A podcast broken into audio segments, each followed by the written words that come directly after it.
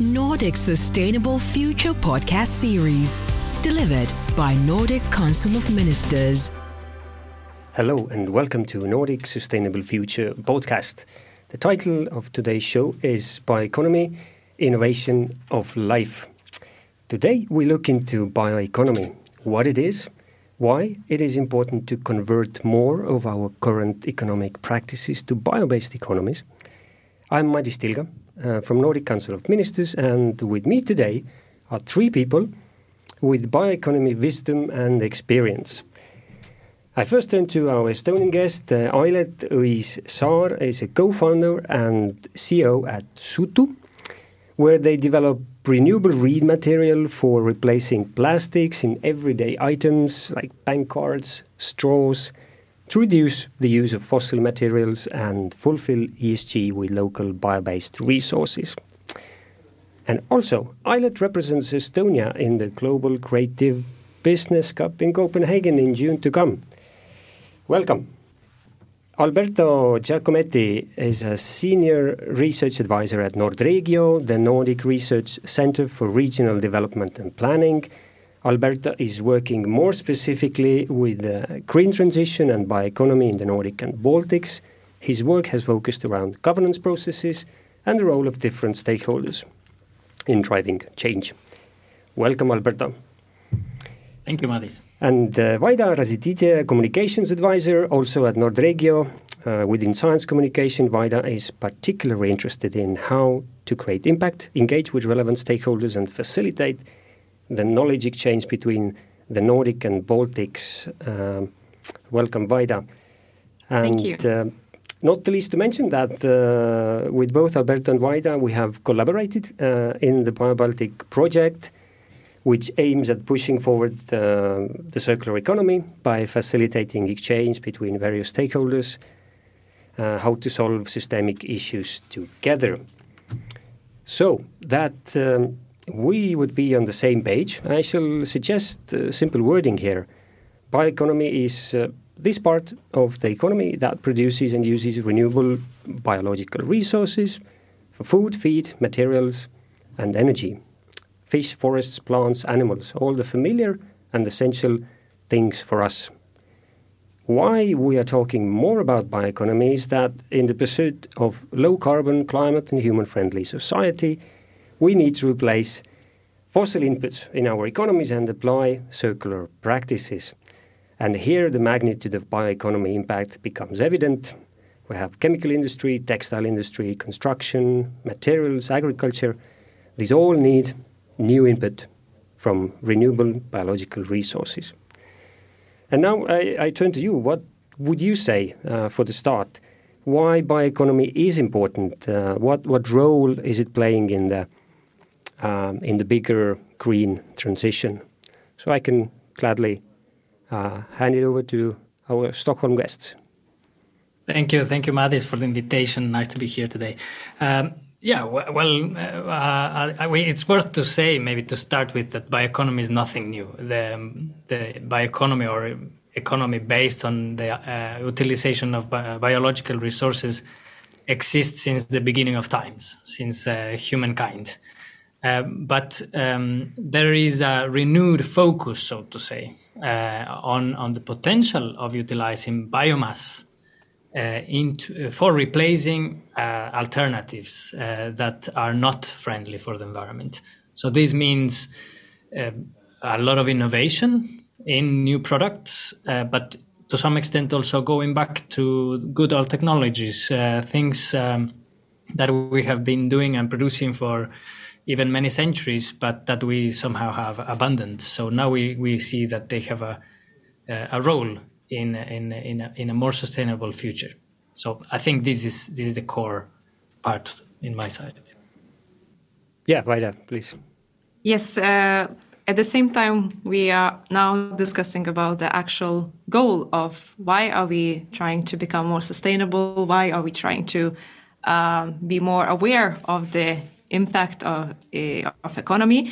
And I think here the bioeconomy plays a crucial role to one of the ways to to move towards that and to address the the, the big questions about how the climate change uh, is affecting uh, societies and environment and how how could we actually deal with that with the help of bioeconomy. So i think we could start with this big question why are we doing it?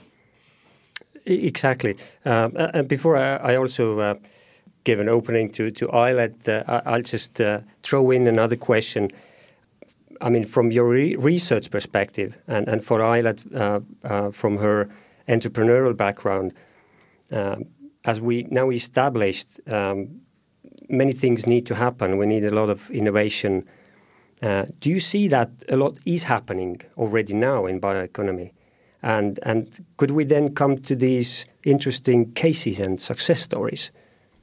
Um, yeah, maybe if I can first give a, a, broader perspective. A lot is happening indeed, not just in innovation. A lot is happening from a regulatory and policy side, uh, in science and material science development, and not exactly the same. Also, product development. Um, and um, but yes, companies along the supply chain are are doing a lot of different things from from primary production, so that's agriculture and forestry, are innovating in practices and in processes and inputs that they use. In secondary uh, production, which is more about industrial processes, lots of changes in how we uh, produce things today, but also in the tertiary. So, for example, in, in the way we design products, uh, for example, to, to have a, a, a longer a longer life. Um, just to give some examples from the construction side, uh, there's a lot going on now in Nordics, but also in the Baltics about uh, how to utilize more wood as in, instead of um, concrete and steel. And uh, more and more, they are also coming up with new organic materials, but also other things like algae, utilizing algae for for paints or for um, food supplements or for animal feed lots of things happening. But here I would like to say also that it's not just about new materials, but also about the more efficient use of the resources that we have. Uh, there, here is where it comes this concept of circular economy. So the idea here is to prolong the life of resources as much as possible and to reduce uh, the the use of virgin resources. So what we do here is to to use the highest value of resources. So, uh, for just for example, you have a piece of wood. The lowest kind of value you can use, still for an economic purpose, is burn it for heating purposes, for example. But burning wood is is really the lowest value you can give it. Instead, you can you can use for construction materials. You can produce chemicals. Now there is glues made of lignin, which basically come from trees. So there's lots of things that you can get from it before burning. So maybe burning is the last resort. Apart from when you're feeling cold. Exactly. yes. And uh, we could also mention a few, many concrete examples that we have collected over the five years that we've been analyzing the bioeconomy development in the Nordics and the Baltics. And just before we started with the Bio Baltic project that you mentioned, Madis, uh, in the beginning, uh, we were very interested to see uh, what are the bioeconomy businesses examples around the Baltics, and especially we were interested uh, in youth uh, engagement in the bioeconomy uh, businesses and their entrepreneurial ideas. And uh, we collected around 16 stories uh, from all around the Baltics just to, to scratch the surface of what's going on, and particularly uh, like we found the cases in all three Baltic countries uh, of young people who are actually leading the way to sustainability through their entrepreneurial ideas. And let's say just a few examples to give. Uh, there is a Estonian company called Gelatex who used to produce the leather materials from the leftovers of meat industry in Latvia, there is a company Plukt that uh, collects, handpicks the wild herbs from the forest and, and produces the tea uh, as well. It serves in the biodegradable tea packages. Uh, in Lithuania, another example, there's a of solid cosmetics company called Solidu that uh, produces the solid cosmetics and packages it in a plastic-free package uh, based on a starch. So these are just a few examples uh, uh, from the uh, from the Baltic region, but. Um, what we see here is actually that there's a lot of attention to circularity, to local resources that exist in the neighboring area and also communities that could be engaged in bioeconomy, as well as to the sustainability aspects. Uh, how could we use these resources in a in a most efficient way, as as Alberto mentions. And when we dive deeper into actually the systemic approach of what's going on in bioeconomy in the Baltic countries, we noticed and observed that uh, although Baltic countries are very close to each other, but they are dealing with quite different challenges uh, when it comes to the bioeconomy development as a systemic uh, thing. And uh, for example, in Lithuania, a group re- of researchers were looking into possibilities how companies could collaborate in to utilize the bioresources. So what we observed ourselves is that usually companies are trying to finish the cycle and use the resources as much as possible within their own companies. But uh, in this case, when we talk about sharing resources, it provides an opportunity for new companies to establish and collaborate, which is like kind of a new concept still in, uh, we, we think in the Baltics.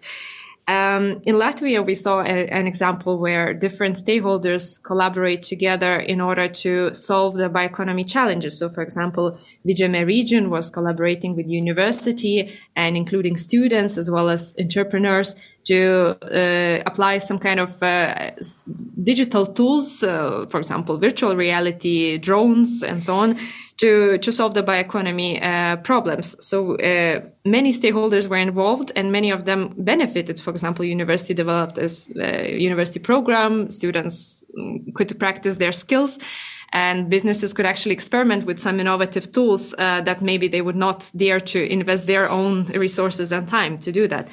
And in Estonia, uh, the uh, the interesting case is how how businesses are collaborating with researchers in order to um, make a, a, commercial use of the algae of the red seaweed. So uh, I think this is also a very good example because like this um, uh, transferring the resource to the economy uh, requires a lot of heads. Like you need the researchers on board, you need the entrepreneurs on board, and and and to discuss how to do it together. So what we observe is that it's um, it's something boiling here in the Baltics. Mm-hmm. Yeah, cooperation different uh, definitely takes courage. Uh, it's a brave, brave thing to do. Um, we have an entrepreneur here in studio with us also. So, uh, how, how did your journey start? Uh, um, did, did you know anything about bioeconomy as such, or, or you just uh, um, realized that um, th- this is the things that uh, thing that needs to be done, and and uh, and later on you discovered that well, this is uh, this is bioeconomy I'm doing. Mm, our story with Sutu began five years ago, while European Union introduced the ban of single-use plastic straws. That was our start, and since the reed itself is the straw as a growing plant already Nordic bamboo I like to say, uh, we decided to act. And in Saaremaa near Sutu Bay, where reed uh, grows around our country house, we started to learn how to turn a reed plant into truly drinkable straws. And um, since a majority of the reed plants become a leftover in our production, we started to find wider usage of them I am a material technologist by profession and always uh, being curious about new materials. And together with scientists, we developed a biomaterial from which we can make uh, cards and other moldable items to replace uh, ordinary uh, materials. And um, as you asked, yeah, uh, we didn't do it uh, like uh, we didn't start it as uh, we are making bioeconomy, but uh, yeah, it's it's like a journey, and now we know it's it's our future.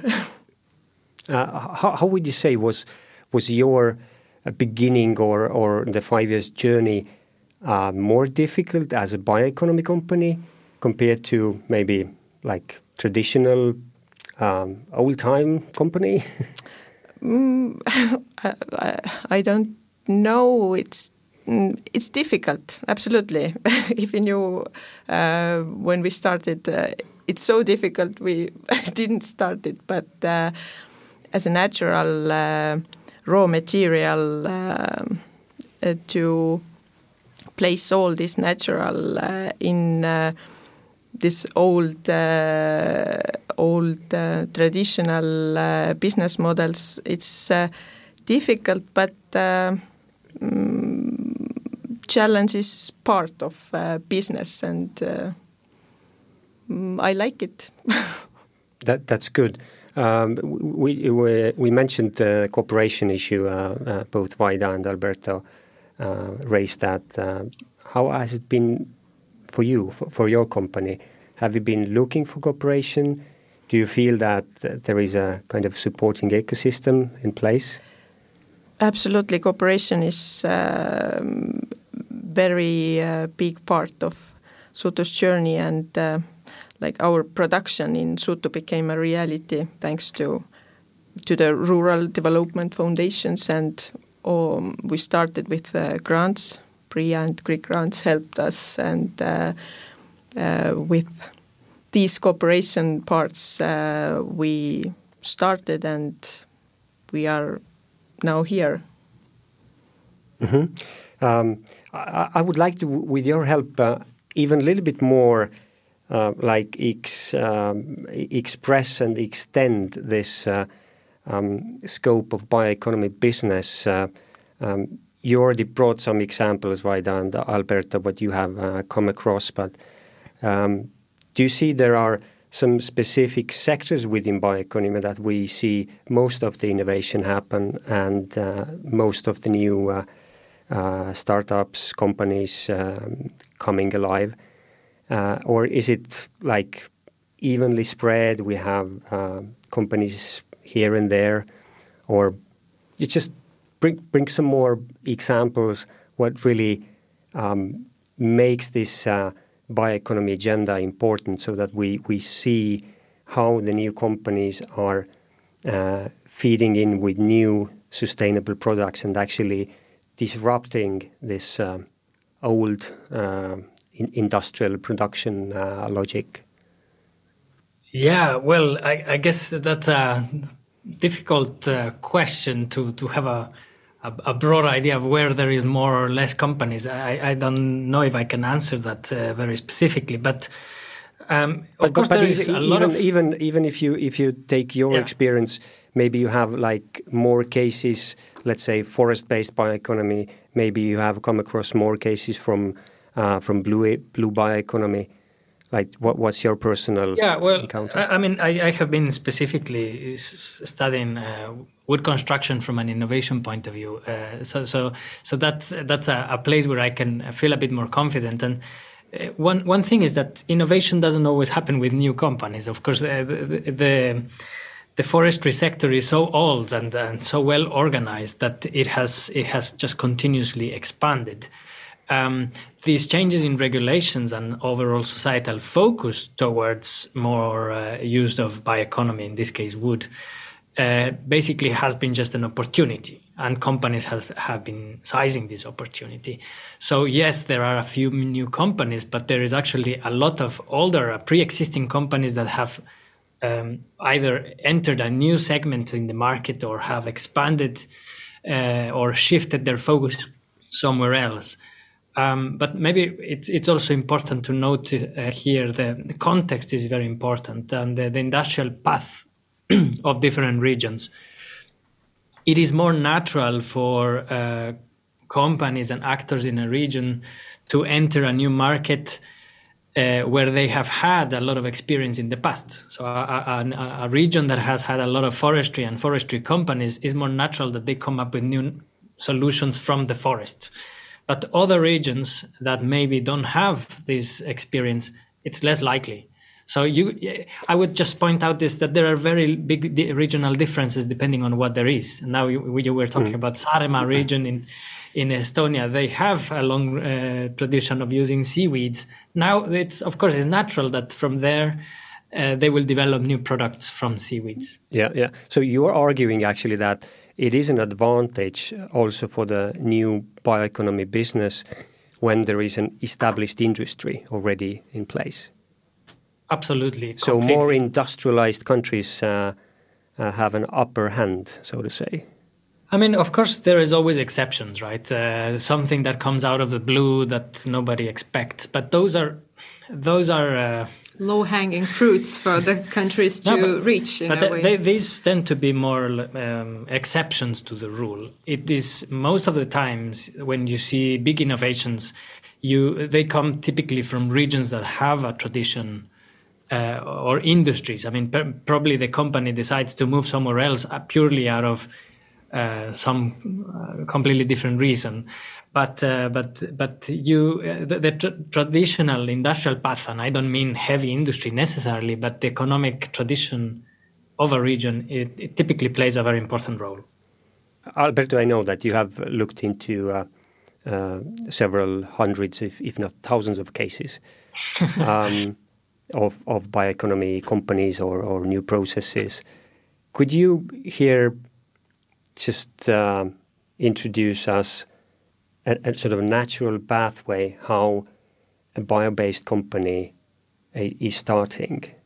You, you mentioned that it, it, can be just a, uh, like a spring off from from an existing uh, big industry, or if you see that uh, there are just some excellent uh, from scratch startups that you see are really impactful or might potentially become really impactful.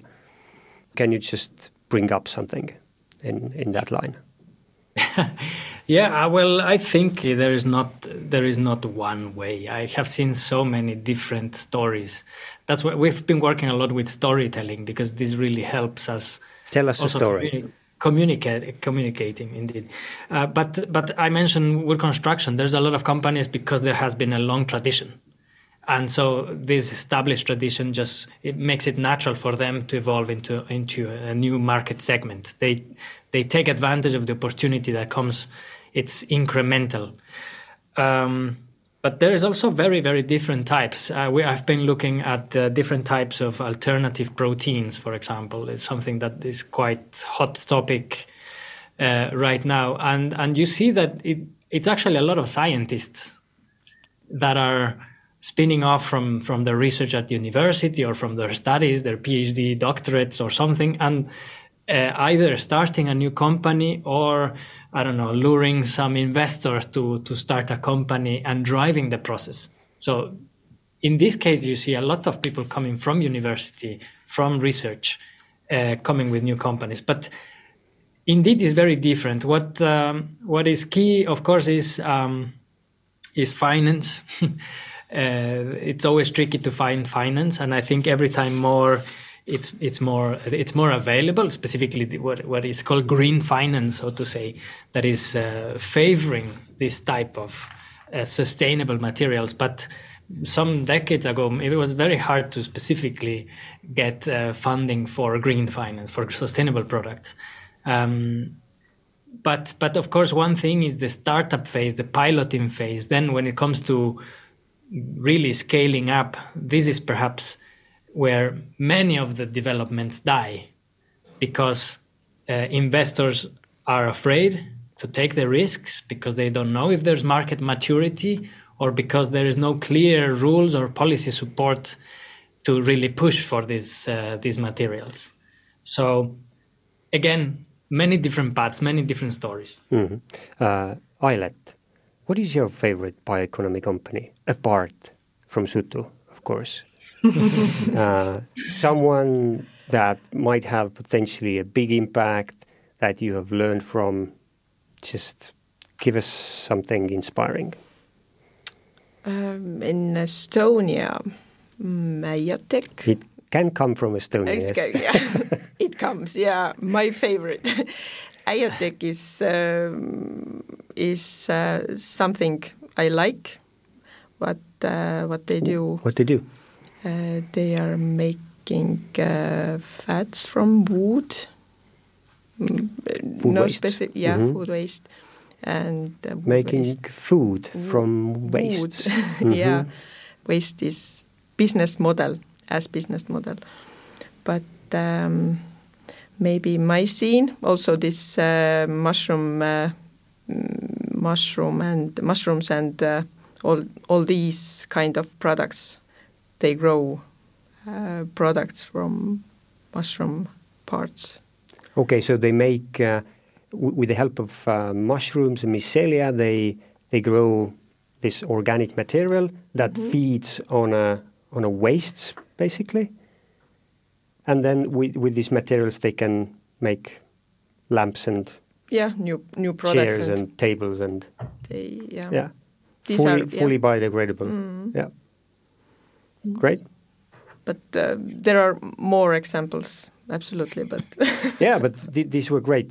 Uh, anything uh, uh, from your portfolio, uh, Alberto Vaida, that you've come across? Just some, you know, favorites that do crazy stuff or, or do really important stuff. maybe maybe a, a little bit more boring answer, but uh, my thinking is more about uh, the ones that have more impact, uh, because there's a lot of very fun fun um, developments to, to to mention here, but some have more or less impact than others. Um, I'm really enthusiastic about the impact of wood construction, for example.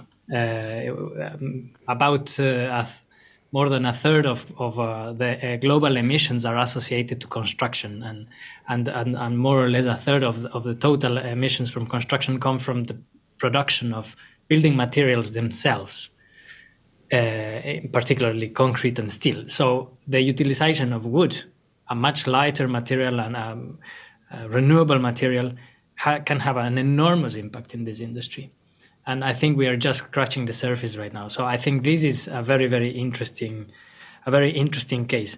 What I do can say, I mean, that um, where, which one is my least favorite, perhaps, is is biofuels, and biofuels. I think it's important, and and it's part of the mix of uh, of, of important materials, because we w- we will always have organic waste but uh, and we have to use it at, and at the end of the day we can use uh, biofuels but uh, i don't buy this as a as a long term solution or as a big part of the solution we have to find other energy sorry i tilted your uh, your question a bit No, no problem.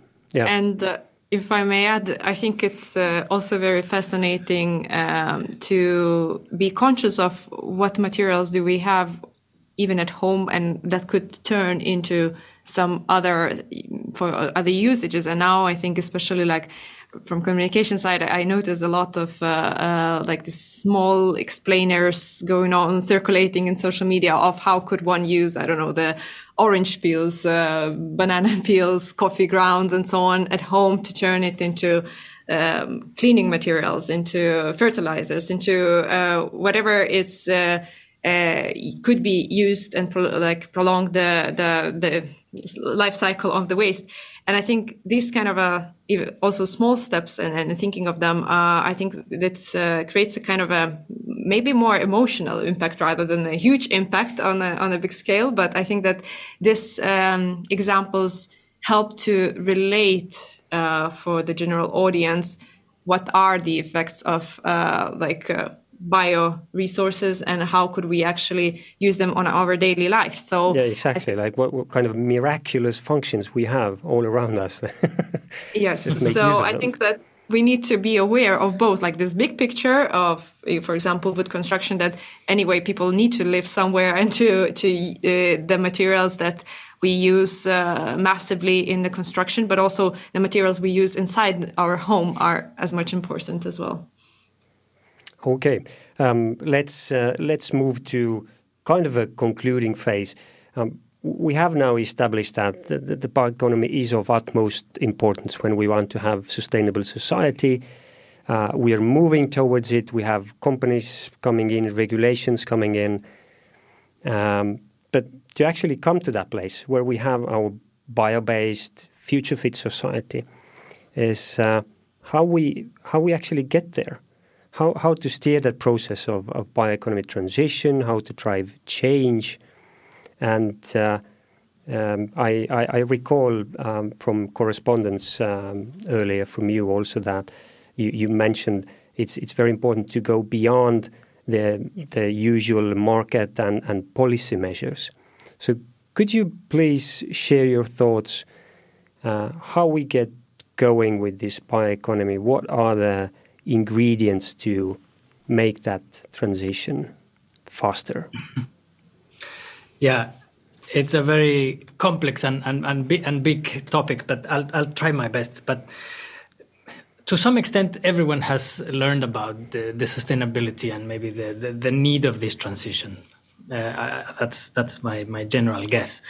Um, but I think um, the the biggest challenge is that it is a highly complex uh, process. Um, I, I, think very few can claim to have full understanding of what we need to do to, to change.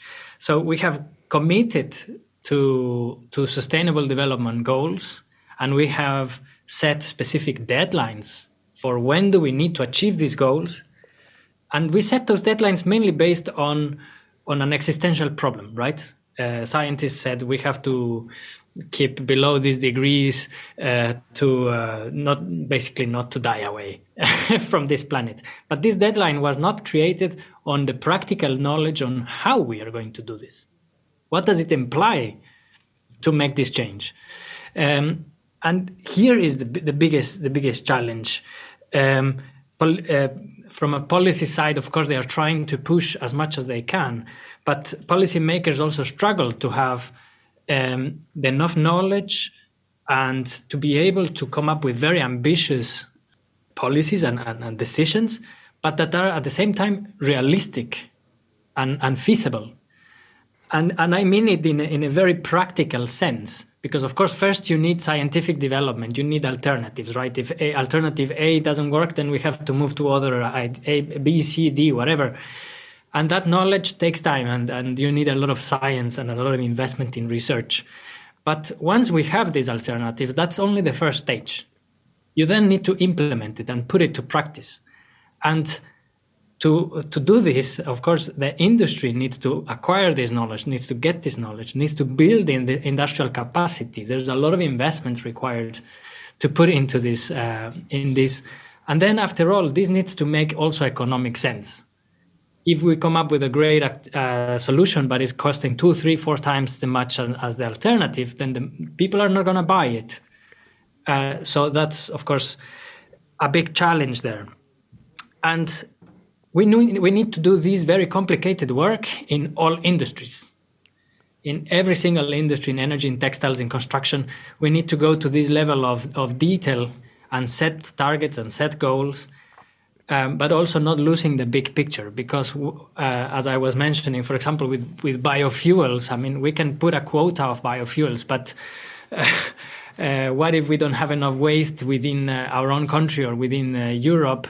Uh, then we will be probably buying virgin organic biomass from from other countries that maybe they are deforesting and planting soya. So then we are creating another environmental disaster.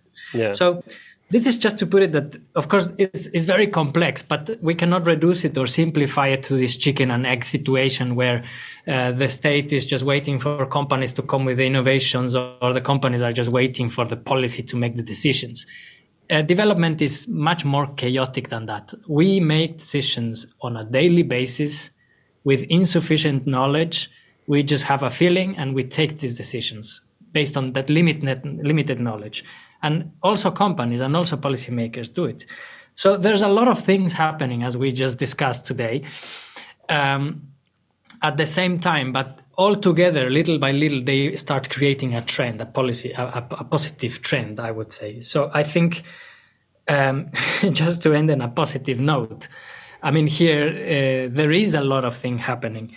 Uh, and of course, you can have this uh, perfect mix of factors. You know, the ingredients that you are mentioning. What are those ingredients? Of course, you need policy, uh, clear rules of the game. You you need finance. You need research. Uh, all of that. Um, but even sometimes having the f- perfect cocktail of um, of ingredients, uh, things don't happen because sometimes development gets stuck in, in, in bottlenecks, in very practical things. For example, uh, novel foods sometimes get ages, very, very long time to get a permission to be sold. So you have the development there, but it takes so long that maybe the startup already dies by the time that they have approved their, their product. So you know this is a practical thing or for example an insurance company refuses to insure a, a, a, wood building because they don't trust they don't know how to assess the risk So sometimes it's like many pieces of the puzzles are, are already there, but it gets stuck in, in some in, in some practical things. So just to finalize here, sorry to be long, but for me the key word here is is is agency, as in how to really mobilize action and different actors to work together and solve these different kind of bottlenecks and solve these different practical issues.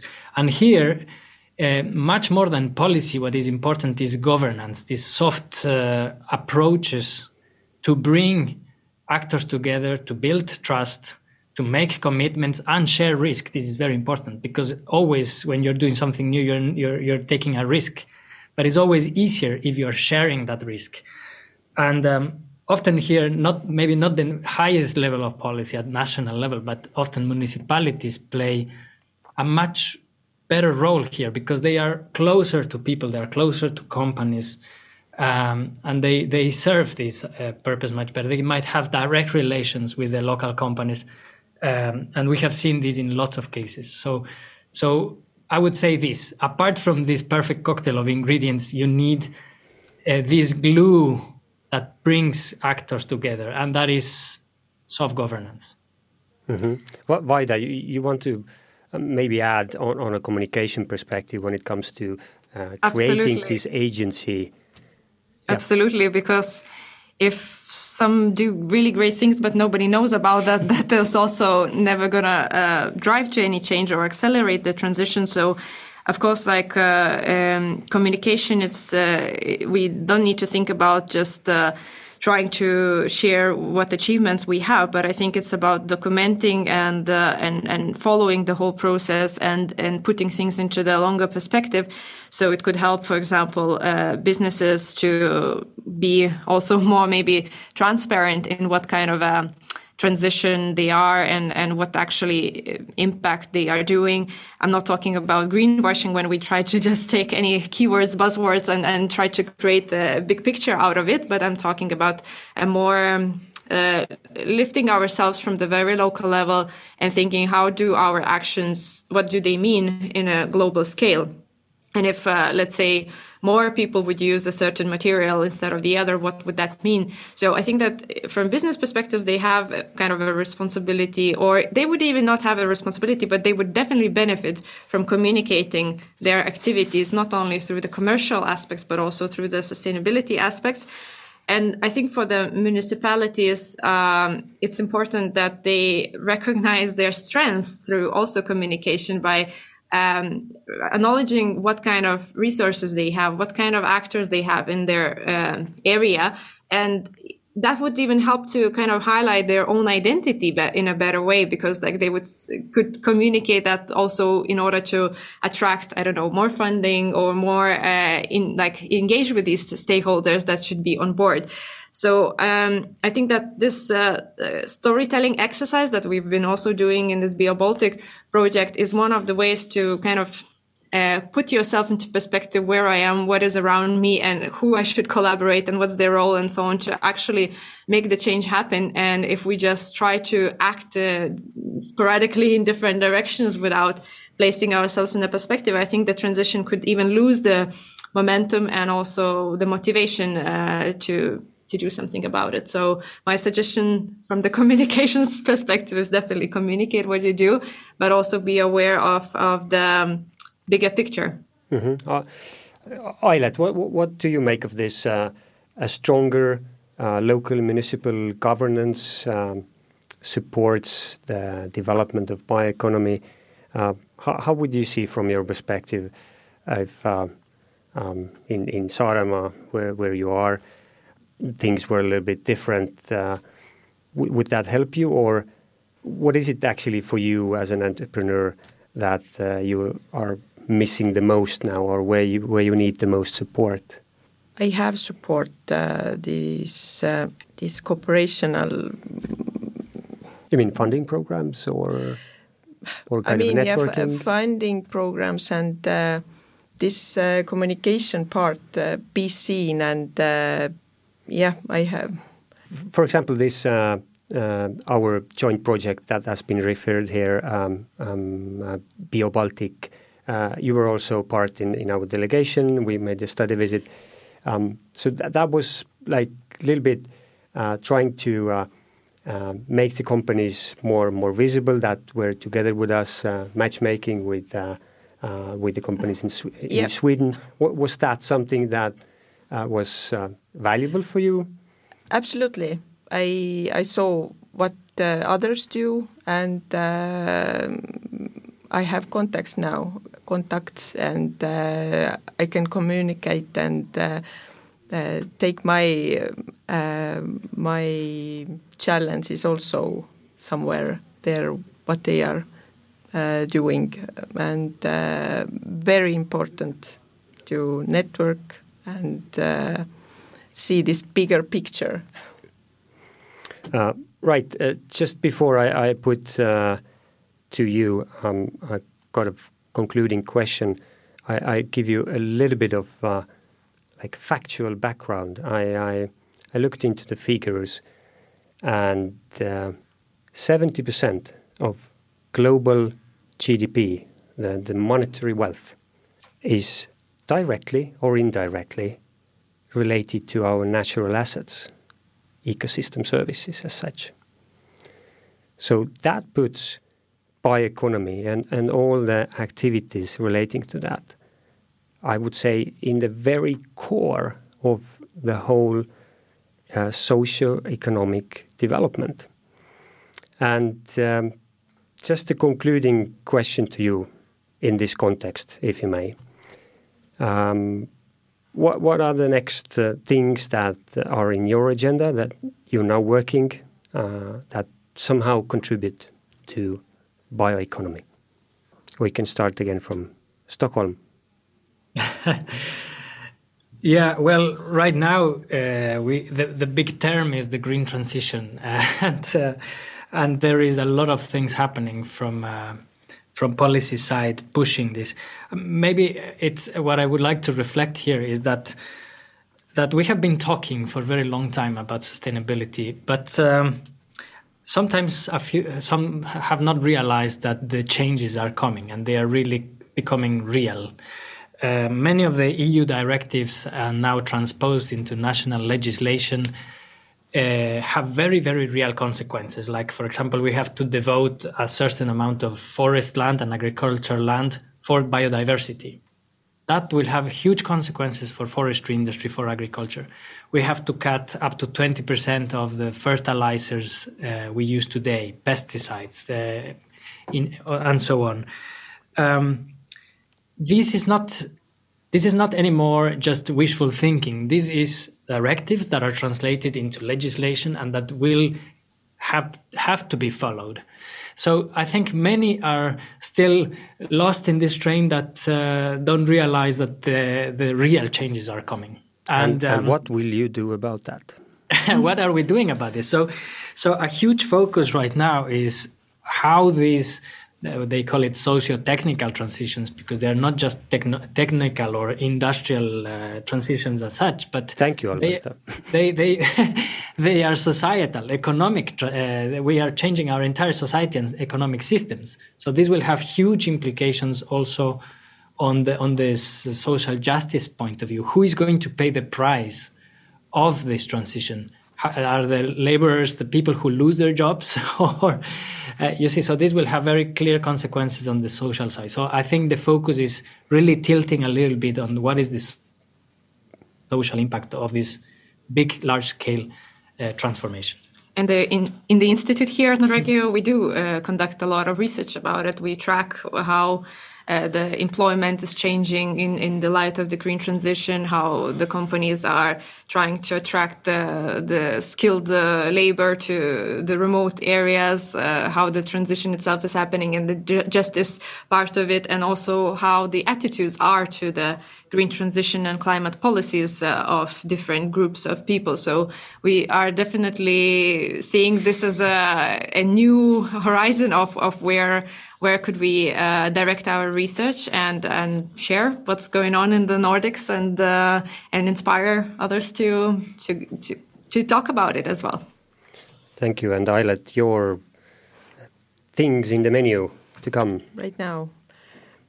we have uh, these practical issues. We have developed the material, but yeah, how to make product and uh, challenges to replace this. So soon you will roll out uh, a range of products made from reed Absolutely. for all for all Yeah, the Europeans. This uh, Um, bottleneck, yeah.